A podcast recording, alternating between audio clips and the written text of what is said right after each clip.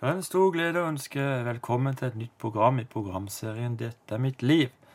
Hver uke får jeg, Jørgen Reinersen, nye gjester i studio til en samtale om livets realiteter. Vi snakker om nedturer, oppturer, nederlag og seire. Denne uken er pastorparet Synnøve og Tor Arne Lone ifra Mandal gjester i studio. Hjertelig velkommen til oss. Takk for det. Jeg tror vi skal være høflige i kveld og starte med kvinnen i studio. Kan ikke du fortelle hvor du ble født og hvor du vokste opp? Jo, jeg heter altså Synnøve Lone, og eh, jeg er født Barndomsnavnet mitt er Lid til etternavn. Og jeg har eh, vokst opp og eh, ble født i Mandal. Og der har vi nå bodd nesten hele livet. Jeg vokste opp i en søskenflokk på seks, så vi var ingen sånn småfamilie. Og det var liv i leiren. og og vi Hele min barndom så har jeg òg gått i Den frie evangeliske forsamling, Salem i Mandal. Og der var foreldrene mine aktive med. Og. Så jeg har egentlig ja, både nesten blitt født og vokst opp i et både kristent hjem, men òg i en menighet. Så de har vært aktive og jobba i menigheten òg, da. Så det sovna mange ganger under stolbenken mm. i menigheten. Hva gjorde du etter grunnskolen? Etter grunnskolen så gikk jeg på grunnkurset helse og sosial i Mandal. Og så tok jeg hjelpepleien på EG her i, i Kristiansand. Og da tok jeg og bodde i studentblokka, da.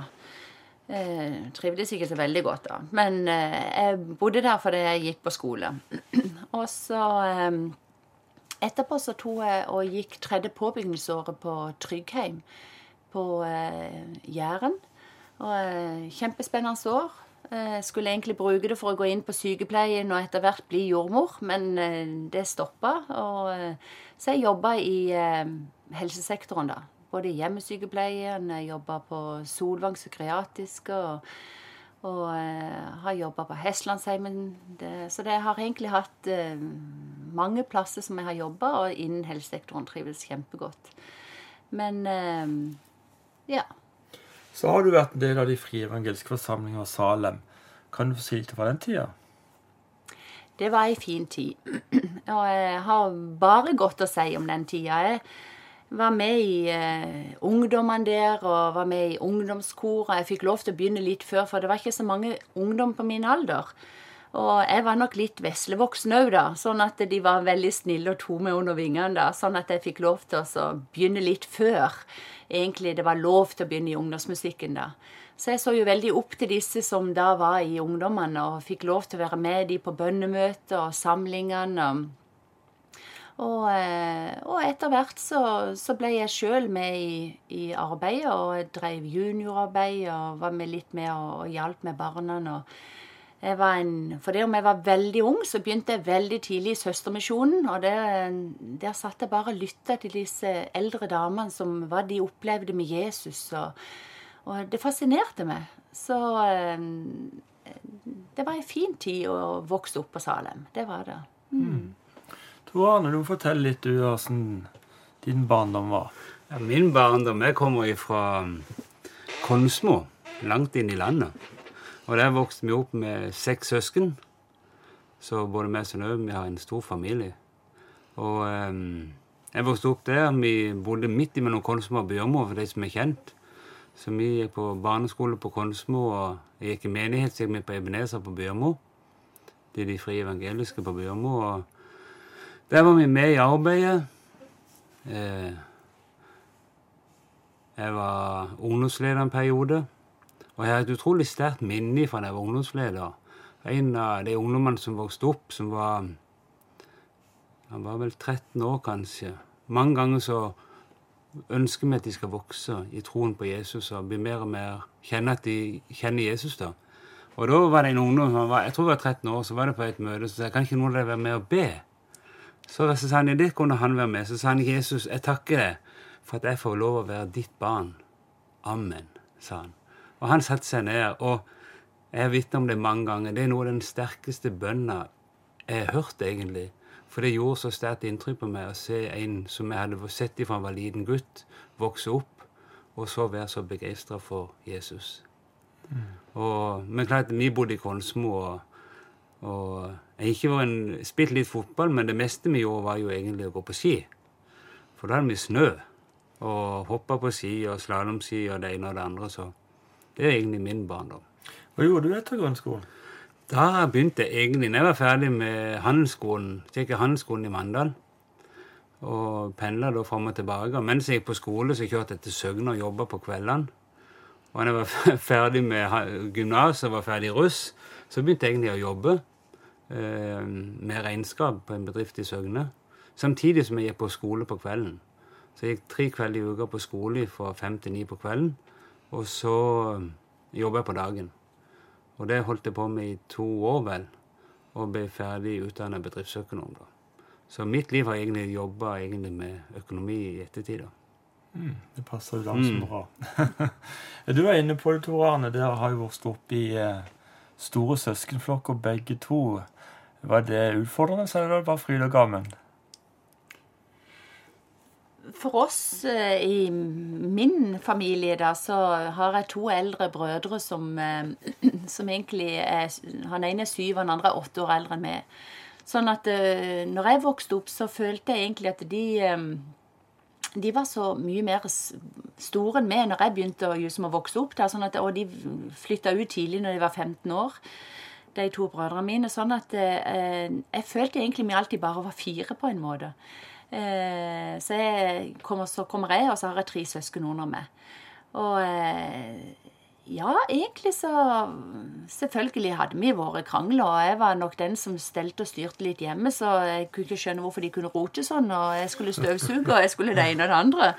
Så jeg har nok vært en liten mamma hjemme, da.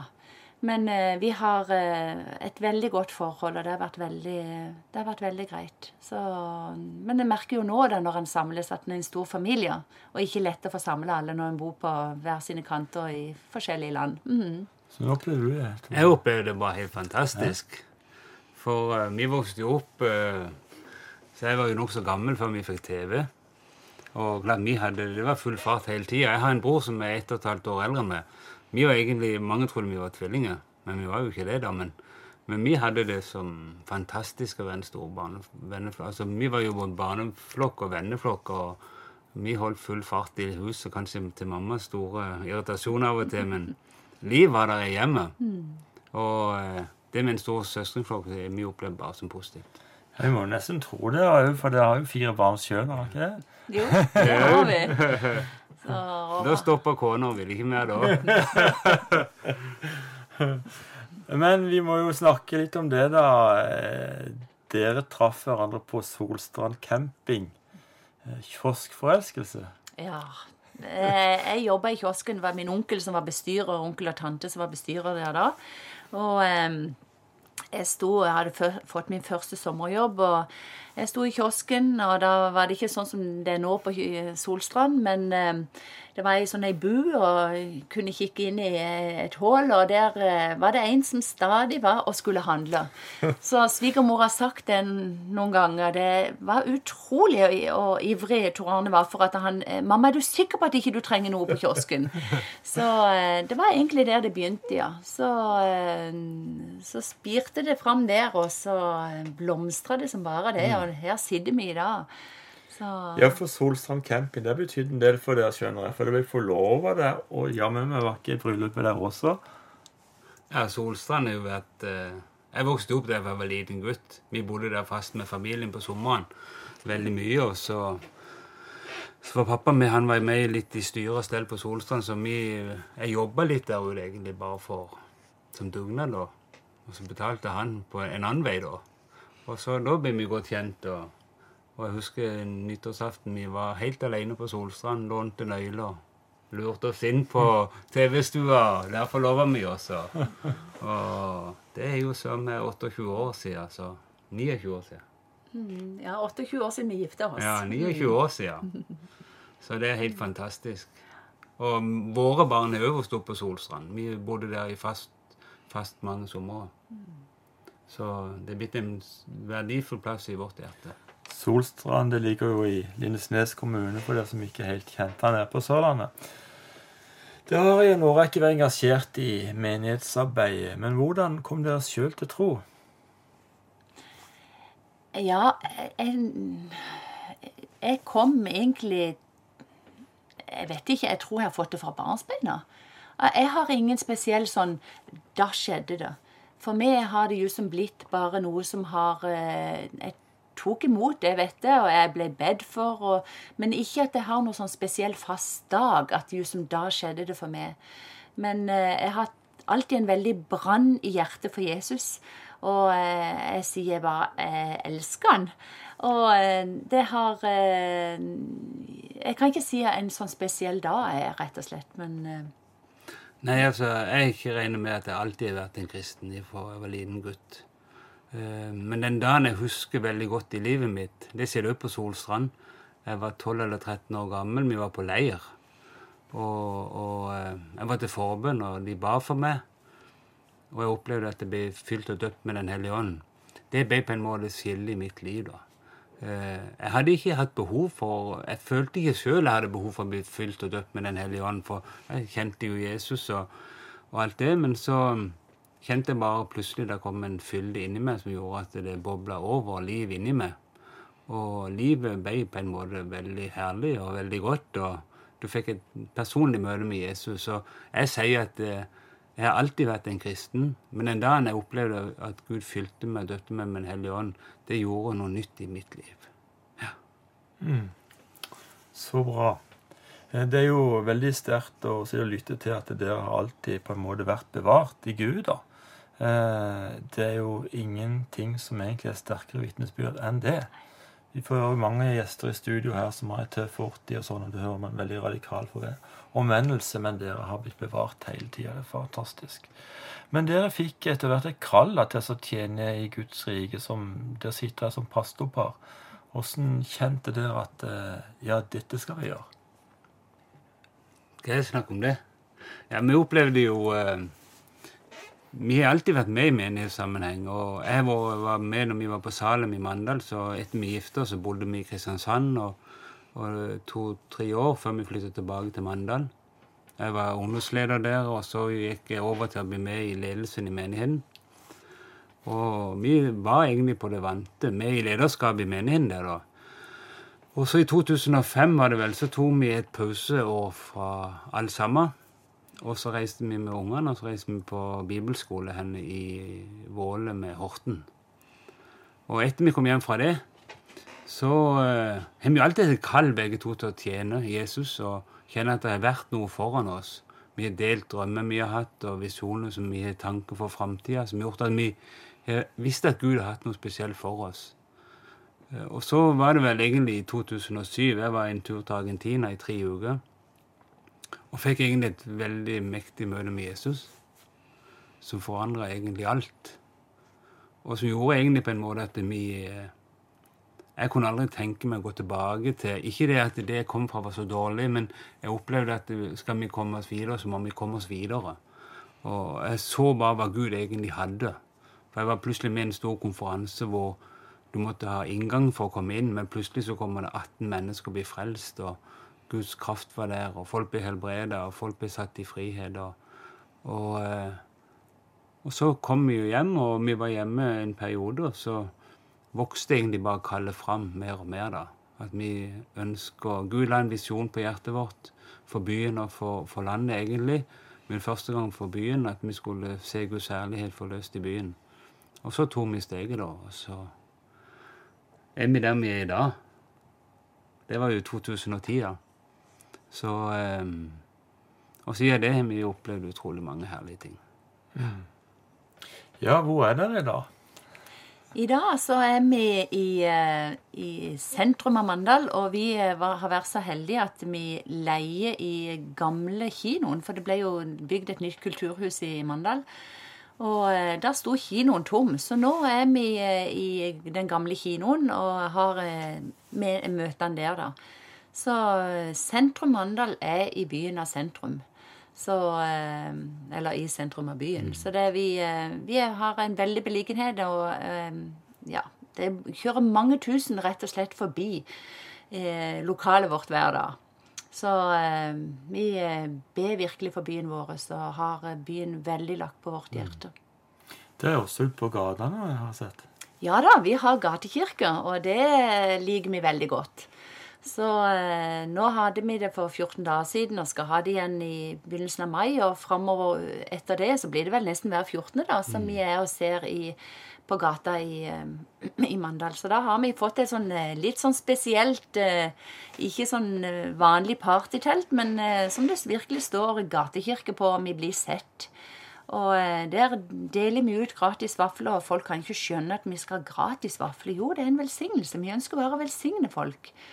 Og deler ut kaffe og slår av en prat. Og ønsker noen å bli bedt for, så gjør vi det. Og eh, gi en, eh, en, eh, ei lita hefte, ei bok, og, og hvordan du kan bli frelst hvis de ønsker det. Og, så vi har eh, kommet i kontakt med mange mennesker med å kunne drive det arbeidet. Så har vi jo senterkontakt, som vi går ut på nettene, da. Hvis ikke du vet hva senterkontakt så er det på en måte nokså det samme som Natteravn. Vi er der bare frivillig. Vi er fra fire til seks, åtte stykk som går ut på byen. Vi har en vest på som forteller at vi er senterkontakt. Vi preker med ungdommene. Vi preker med Jeg kjenner alle dørvaktene i Mandal.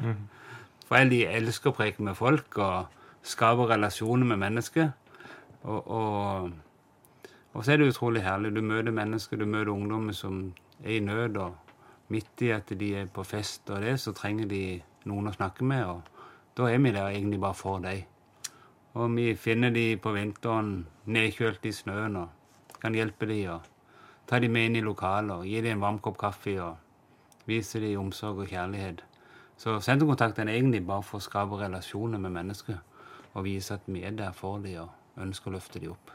Og politiet er jo veldig glad for at vi er der. Vi har fått veldig god tilbakemelding. Politiet er glad for at Å, det er godt dere er her. Så eh, nå natt til 1. mai, da er det selvfølgelig ut, for da er, begynner jo russetida. Og mange av disse ungdommene så kjenner vi jo òg, da. Og det er det både godt for oss, og vi kan være en demper for dem. Og det at vi òg kan være en trygghet for dem.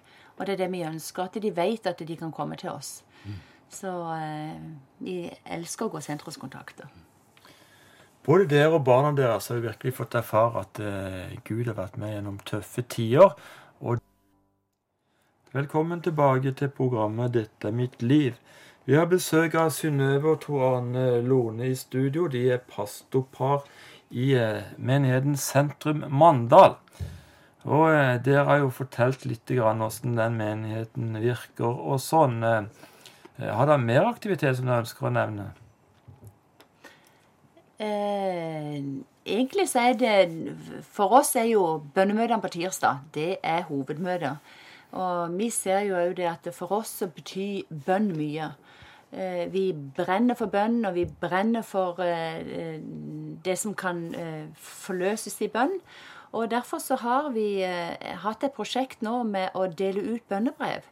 Og da har vi eh, å dele ut bønnebrev til alle innbyggerne i Mandal kommune. Og da tar vi for oss ei og ei gate. Så dette er et prosjekt over åtte år. Vi har holdt på med det vel i eh, tre, ja, tre, og et halvt år, vel, eh, til nå. Og da hver 14. dag så er det ei gate i Mandal kommune som får et brev fra oss. Som eh, en folder som det står et eh, bilde av meg og Tor da, litt amerikansk kanskje, eh, men for å vise ansiktet utad. Og kan gjenkjenne oss og vite hvem vi er. Og òg med at eh, de kan få lese litt om de virkegreinene vi har, og hva vi står for, og litt sånt. Og kan gå inn på våre Facebook-sider eller på våre, vår side på, på nettet.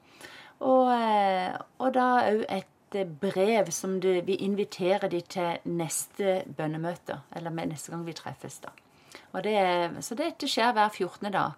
Eh, og dette er en fantastisk måte som vi òg kjenner at vi har hjerte for de som bor i Mandal, og kunne gi dem en sånn liten velsignelse i, eh, i postkassa. Så eh, vi har òg at de kan sende inn til oss hvis det er noe spesielle bønnebegjær de har, at vi skal be for. Eller at de ønsker bare å snakke med noen, så vet de hvor de kan kontakte. Så, eh, så bønnemøtene og eh, så har vi jo noe som heter Connect-gruppe. Det er en form for vi samles hjemme. En form for bibelgruppe eller sosialt sammen. og Eh, det har vi. Og så har vi òg Connect eh, Ungdom. Så de samles annenhver eh, fredag klokka åtte.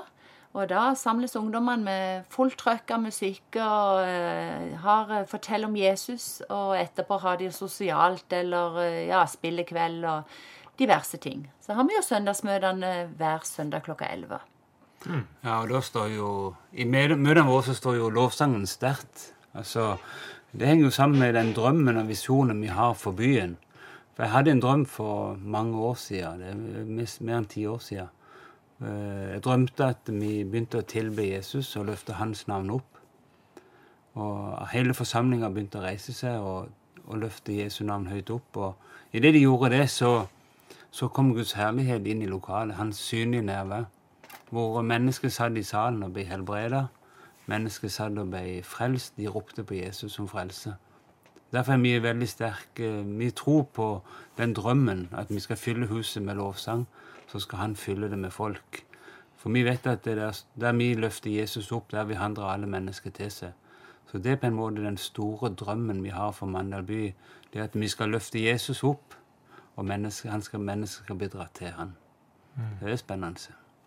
Ja, det er virkelig mange spennende prosjekter borte i Mandal. altså. Mm. At jeg tør å tenke litt eh, annerledes enn det kanskje andre menigheter gjør, er jo veldig mm. bra. Ja, og det ønsker vi. Altså, det som Gud har lagt på vårt hjerte, at vi tør å gå for det. Mm. Ikke det at vi er innenfor en ramme eller innenfor sånn og sånn, men at vi virkelig bare Det som Gud har talt til oss, det ønsker vi å, gå for. Og eh, vi eh, ønsker bare å være lytthøre på hva han sier til oss, da. Sånn at vi kan gjøre det som han ønsker vi skal gjøre. Mm. Mm. Så bra. Ja, dere har jo mange spennende historier hva Gud har gjort i deres liv og i deres familie. Så det må bare begynne å fortelle, for det må vi lytte til. Ja, da har eh, Kanskje jeg skal fortelle den ene når jeg ble helbreda.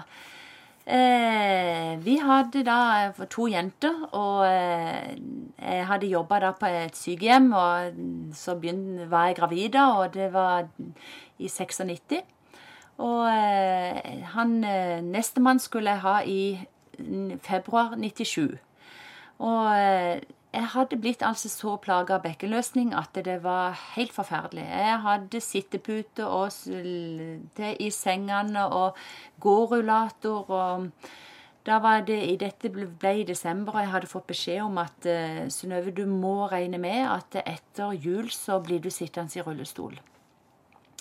Og eh, jeg var fryktelig plaga, og det var voldsomme smerter. For uh, kvinner som har vært gravide og hatt bekkeløsning og da har store mave, det er ikke godt. Og uh, alt en gjorde, var vondt. Og Torane jobba veldig mye på den tida. Og, så det ble mye Jeg hadde disse jentene alene. Så jeg måtte finne mine måter for å klare hverdagen på. Så jeg hadde òg fått beskjed om at etter jul så måtte jeg nok fått noe mer noe hjelp av hjemmehjelp og diverse for å klare hverdagen min. Og eh, når bitte lille julaften, bitte, bitte lille julaften var det, så var det et søndagsmøte på Salem. Og eh, det var helt normalt at da gikk vi alle på møte. Og eh, vi, jeg gikk der på krykkene inn og fikk satt meg ned på denne med ekstra pute og alt dette jeg hadde med meg. Og på slutten av møtet så sier bare Tor Arne det at eh, jeg bare kjenner at er det noen som er syke i dag, så skal dere komme fram, og så skal vi legge hendene på dere, og vi vil be for dere. Eh, tanken som slo meg da, var jo det at eh, jeg kan jo ikke gå fram, for jeg er jo ikke syk, jeg er jo bare gravid. Og, eh, men jeg hadde jo smerte. Men, men akkurat som det kobla ut, at jeg, jeg trengte jo ikke forbønn. Plutselig så sier bare hun som en stemme inn i hodet, det var nok eh, Den hellige ånd, så sier han det at um, du skal gå fram og ta et trosteg og gå fram og bli bedt for. Og jeg klarte å kare meg opp og, og kom meg fram og fikk satt meg der framme, for jeg klarte ikke å stå. Så kom han eh, trådende og la hendene på meg og ba for meg. Og eh, når jeg da skulle reise meg igjen, så kjente jeg at jeg kunne gå uten at jeg trengte også bruke krykkene. Og, eh, men jeg var ikke momentant helbreda, men jeg kjente at det hadde skjedd noe. Og dagen etterpå, så på morgenen, så våkna jeg, og så Når du er, har bekkenløsning, så er den verste holdt jeg på å si, måten du kan gjøre det, er å skulle klare å komme deg ut av senga. Vridninger for å sette deg på sengekanten. Og idet jeg setter meg på sengekanten, så bare sier jeg Tor Arne, sier jeg. Så hører jeg bare fra sida i senga, så sier han Gikk vannet, sier han. Nei, sa jeg. Og så kunne jeg bare reise meg opp. Uten en smerte, uten å kjenne noen ting. Jeg var blitt helt fullstendig helbreda. Og det har vært den mest fantastiske tida som jeg hadde. Òg av at det gjorde noe med at min måte å kunne kommunisere med de menneskene rundt meg, var jo at Jesus har gjort et mirakel. For det var bare Gud som kunne gjøre det. Når jeg kom til legen, så sa han det at du, du er jo høygravid. Hva har skjedd? Og det Han, han sa her måtte det bare ha skjedd et under, for det var helt mirakuløst kom til jordmora, så var hun nok ikke like begeistra. Hun mente når det var hormonelt, så sier jeg det at ja, har dette skjedd før? Eller har du hørt om det? Nei, det måtte hun være enig i. at det, Hun hadde nå aldri hørt om at det hadde skjedd sånn. Så jeg har fått vitne for så mange om hva Gud har gjort i mitt liv. Og jeg var jo gravid en gang til etter dette, og jeg skulle jo føde og alt dette her òg. Men verken under fødsel eller neste graviditet så har jeg, og etter det har aldri hatt en smerte i bekkenet. Så det var bare fantastisk. Gud er bare god. Miraklenes Gud. Åh, han, ja, det er den beste mesteren å følge. Tor Arne, du ble helbreda i ryggen. Ja, det gjorde jeg. Og det som er fantastisk, det er å kjenne at Jesus, han, han er virkelig. Han lever i dag, og, og jeg kan fortelle mitt vitnesbyrd òg, men det som vi òg syns er fantastisk, det er at alle barna våre òg opplever det. De opplevde alle sammen å bli helbredet. De opplevde alle at Guds kraft er berørt. Og alle barna vet at Gud er virkelig. Men det jeg hadde i min kropp, det var at jeg, hadde en mor som var veldig syk. Så jeg vokste opp og fikk bekktrev og, og hadde showman i ryggen og skulle i militæret, men det var null på ryggen og rett ut på sesjon. Og etterpå det så hadde jeg alltid problemer med at jeg måtte ha myk madrass. og jeg måtte passe på når vi skulle reise, at, for ellers fikk jeg ikke sove. Og når jeg skulle gå opp av senga om morgenen, så var Synnøve jeg var jo som en gammel mann. Jeg brukte fra senga langt inn på badet før jeg greide å reise meg opp. Og så var det vel i 2000, jeg tror det var det året, 2007, året etter vi hadde gått på bibelskole. Så da var jeg jo på et møte, og så sa han taleren som var der, vi sto mange til forbønn. Jeg gikk bare fram der og tenkte vi søker Gud, og han sto og talte, og så sa han hvis du må gjøre det ikke du kunne gjøre sjøl, eller det du kunne gjøre før. Og jeg tenkte ja vel. Jeg har alltid vært stiv, så når jeg skulle bøye meg framover, så kom jeg alltid bare ned til knærne. Og så tenkte jeg jeg får gjøre det ikke jeg kan. Så jeg bøyde meg ned og kom til knærne, og veldig spesielt så bøyde jeg meg bare ned og gikk ned og gikk ned, og jeg kunne gå helt ned til skoene. Og så reiste jeg meg opp igjen, og alle smertene i ryggen var fullkomment borte. Og siden det så er de vært borte. Og Gud viste bare at jeg følte bare at han sa 'han de tro', og jeg reagerte, og miraklet bare var der. Det er utrolig herlig. altså. Jeg kjenner at du, smerten bare ble borte. Og jeg har ikke vært nede til skoene etterpå, men jeg var det da. så Gud, han er virkelig han er en person som lever i dag. Så Så det er utrolig fantastisk. godt. Ja, da må fortelle litt for barna også. De har opplevd helbredelse, sier jeg. Ja, vi eh, Jenta vår, da, hun eh, Iselin, hun gikk på videregående og var ikke noe sånn eh, helt i form. og var Plutselig så så vi det at hun hadde sånn noen eh, flekker på beina sine. Noen sånn litt sånn blålige flekker. Og eh, Så vi var og tok noen blodprøver. og og eh, fikk beskjed om at eh, de, eh, de ville ta nye blodprøver, for de var ikke helt fornøyd. Så det viste seg at det var, det var noe i blodet som ikke var noe greit.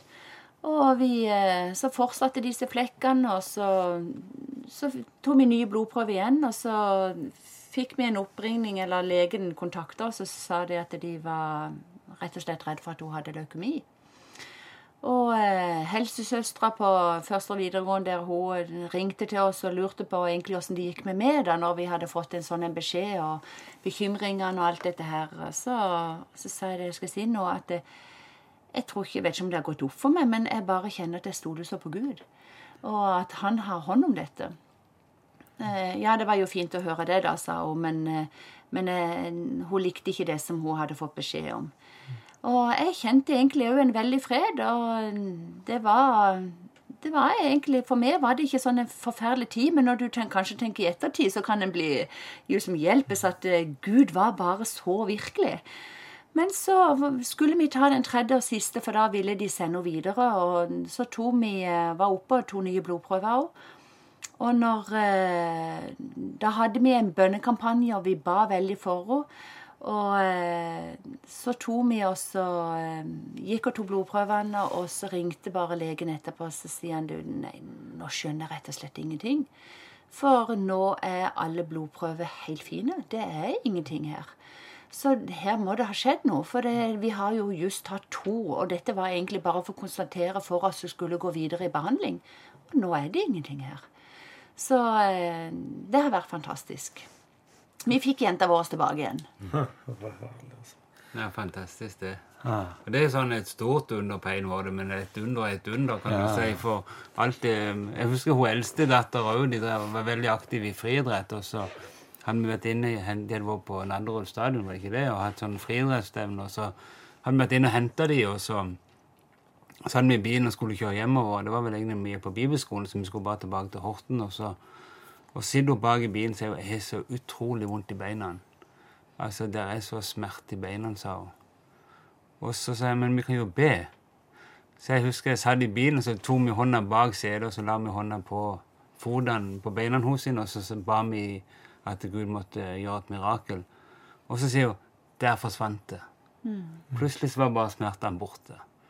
Og det er fantastisk sterkt. Altså, du opplever hele familien vet dette at virkelig Jesus lever, at han formår alle ting. Nikolai hjerneskade. Ja. Minstemann, vet du, nå, han blir jo 18 år nå, så han er jo ikke liten lenger, da. Men, eh, men når han var på sin treårsdag Han er født 2. mai. Og så har vi hun eldste, hun er født 1. mai, så vi skulle ha familieselskap. Og vi gikk og trippa der og venta på eh, den siste familien eh, av våre som skulle komme. Og eh, vi hadde på vårt tun eh, hjemme så hadde vi eh, Det var ikke kommet opp et gjerde der, da, så vi hadde en stor forhøyning på mm, to meter. En skråning. Og så sier vi det at nå kom den og den familien. Så løp Nikolai ut. På, han var tre år da. Og så idet han løp utover, så, så kommer han rett med denne forhøyninga. Men det ikke han som åpner bildøra, ser, det er at Nikolai kommer løpende samtidig som han åpner sin bildør. Så eh, han som åpner bildøra, rett og slett skyver Nikolai i fart utfor denne eh, forhøyninga på to meter. Og det er jo asfalt der, da. Sånn at eh, Nikolai han rett og slett så det smeller med bakhodet i denne eh, forhøyninga nedforbi. Og eh, jeg var inne, jeg så ikke dette her, så eh, kommer eh, han ene broren min kommer bærende med Nikolai i armene. Så sier han du, Synnøve, Nikolai har ramla. Ja, ja, ja, sier jeg, vet du ikke sant. Altså, så er du firebarnsmor, og du er vant til litt av hvert, og høyt og lavt er de. Men så sier han du, du Synnøve, dette er alvorlig sånn, du må se. Så fikk jeg sett på han, så ser jeg bare øynene hans sine bare Jeg ser bare det hvite i øynene hans sine. De eh, ruller bakover, og, og han er rett og slett eh, bevisstløs. Så fire får vi hivt oss i bilen og kjøre opp på legevakta. Og det var bare opp på legevakta for å snu, og de sa det inn på eh, Vass i Kristiansand med en gang. Så vi kom oss inn på Vass, og jeg satt med der han med eh, i armene hele veien, og jeg bare Kjære Jesus, nå må du bare ta hånd om Nikolai. Ta hånd om Nikolai. Og det mest utrolige var jo at jeg tenkte på å, å kunne få med oss alle gavene hans som han fikk. For jeg sa det, han, han skal jo våkne igjen. Så det hadde vi med oss i bilen. Og eh, så kjører vi inn, og de eh, kommer på akutten der, og de kontrollerer han og sjekker hele tida. Og eh, så jo på ansiktene de sine at de var jo ikke så veldig fornøyd med det som skjedde. Legene gikk ut og inn. Og så ble han sendt i CT-en da for å sjekke dette her.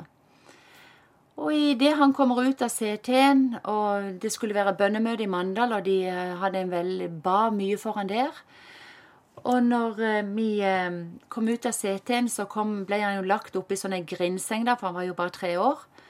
Så plutselig, når han får hodet ned på puta, så bare pling, så var øynene oppe. Så ligger han bare der helt stille bare og kikker fram og tilbake. Akkurat han bare beveger øynene, ikke noe annet. Og når det har gått en kvarters tid, eller noe sånt, så plutselig så står bare gutten oppe i senga. Og eh, når vi da kommer inn, og eh, så sa de at vi må ha der over en natt. Eh, vi skjønner egentlig ingenting, men, men bare så det visste vi måtte ligge over en natt. Ja, men det er helt greit. Så når denne sykepleieren fra akutten da skal trille oss, eh, trille han inn, da, og vi er, tar inn ene seng, enden av senga, hun i den andre, så stopper vi, så renner bare tårene på, og så sier hun det at eh, du, du mammaen, eh, kan jeg få lov til å si deg noe? Ja, sa jeg. Eh, vet du virkelig hva som har skjedd i dag, sa hun. Ja, jeg har jo forstått, men Ja, men forstår du alvoret av det som har skjedd? «Eh, Nei, kanskje ikke, sa jeg. Så sier hun det at eh, Vi forstår ingenting, sa, sa hun. For det, det som vises, og det som vises av alle kontrollene og alt vi gjorde, så skulle denne gutten ha vært hjerneskada. Eh, men når vi ser på denne gutten oppi senga her, så er han ikke mye hjerneskada. Og eh, så jeg må bare si det at eh, her må det ha vært noe annet bak, for dette er et mirakel, sa hun. Nå tror ikke jeg på noe sånt, sa hun, men, men, men det må være det. Så sier jeg ja, det vet jeg. For vi, vi gutten vår er overlagt i Herrens hender, og vi har et bønneteam i Mandal som har bedt mye for han. Så at han, eh, Gud har gripet inn, det er helt sikkert. Ja, det kan ikke være noe annet, sa hun. For egentlig alt vises at, eh, at gutten skulle være skada. Så jeg må bare si dere har fått en gutt tilbake igjen som egentlig ikke var mulig menneskelig sett. Mm, Det er jo helt fantastisk. ja. Vi må nesten ta med Tor Adrian også. Jeg skal med Toanen der. Han vokste jo opp og Han hadde jo, fikk jo egentlig barneleddgikt. Og han hadde vel noe annet òg. Alvorlig astmatiker. All, all, all ja. ting. Så, men det, sånn som med han, det var jo det at han, eh, han måtte ha tablett på morgenen. Og han hadde smertetabletter hver kveld. Og så var det jo sånn at hvis ikke vi ga han tablett på kvelden, så våkna han alltid to-tre-tida. Og så måtte vi ha han opp i badekaret for å ha han i varmt vann, sånn at smertene i, i gikta på en måte i kroppen skulle gå ut. Eh, og han var jo det samme vi var, Det var jo i 2006 eller 2005 eller noe i den området. Så, så husker jeg at vi eh, var på et møte, og det var taleren forkynt. Og Tor Adrian han sprang jo bare rundt. Han Han var jo på søndagsskolen, og, og møtet gikk sin gang, og folk var til forbønn. og Så kommer han diltende inn i møtet mot slutten. Og så, Han går jo fram til forbønn. Han var jo fremodig, Han gikk bare fram til forbønn. Og han taler, predikanten kom der så la hendene på han og ba han, og ba om at han skulle bli helbreda. Så sa vi det er jo utrolig, nå har jo han bedt, og vi tror. Så sa jeg til Synnøve men da kutter vi bare tablettene. Vi gir han ikke mer tabletter på morgenen og kvelden. Og det gjorde vi ikke. Vi kom hjem, og første natta han sov som en stein. Og siden så var smertene borte, og tablettstopp, tablettbruket var borte. Gud hadde gjort et mirakel der og da. Astmamedisinen ble jo kutta ut, og Ja. Så han har ikke hatt noen ting etterpå. Nei, utrolig herlig. Det er jo helt fantastisk å høre til disse historiene dere kommer med, at det er en, faktisk en levende Gud. Og det sitter nok en del lyttere som, som har forskjellige livssituasjoner. Noen er syke, noen har forskjellige utfordringer i livet og sånn. Har dere noen hilsener til de? Ja, det har vi. En hilsen til hvis du er syk, så tror vi at eh, Gud, han helbreder mennesket i dag.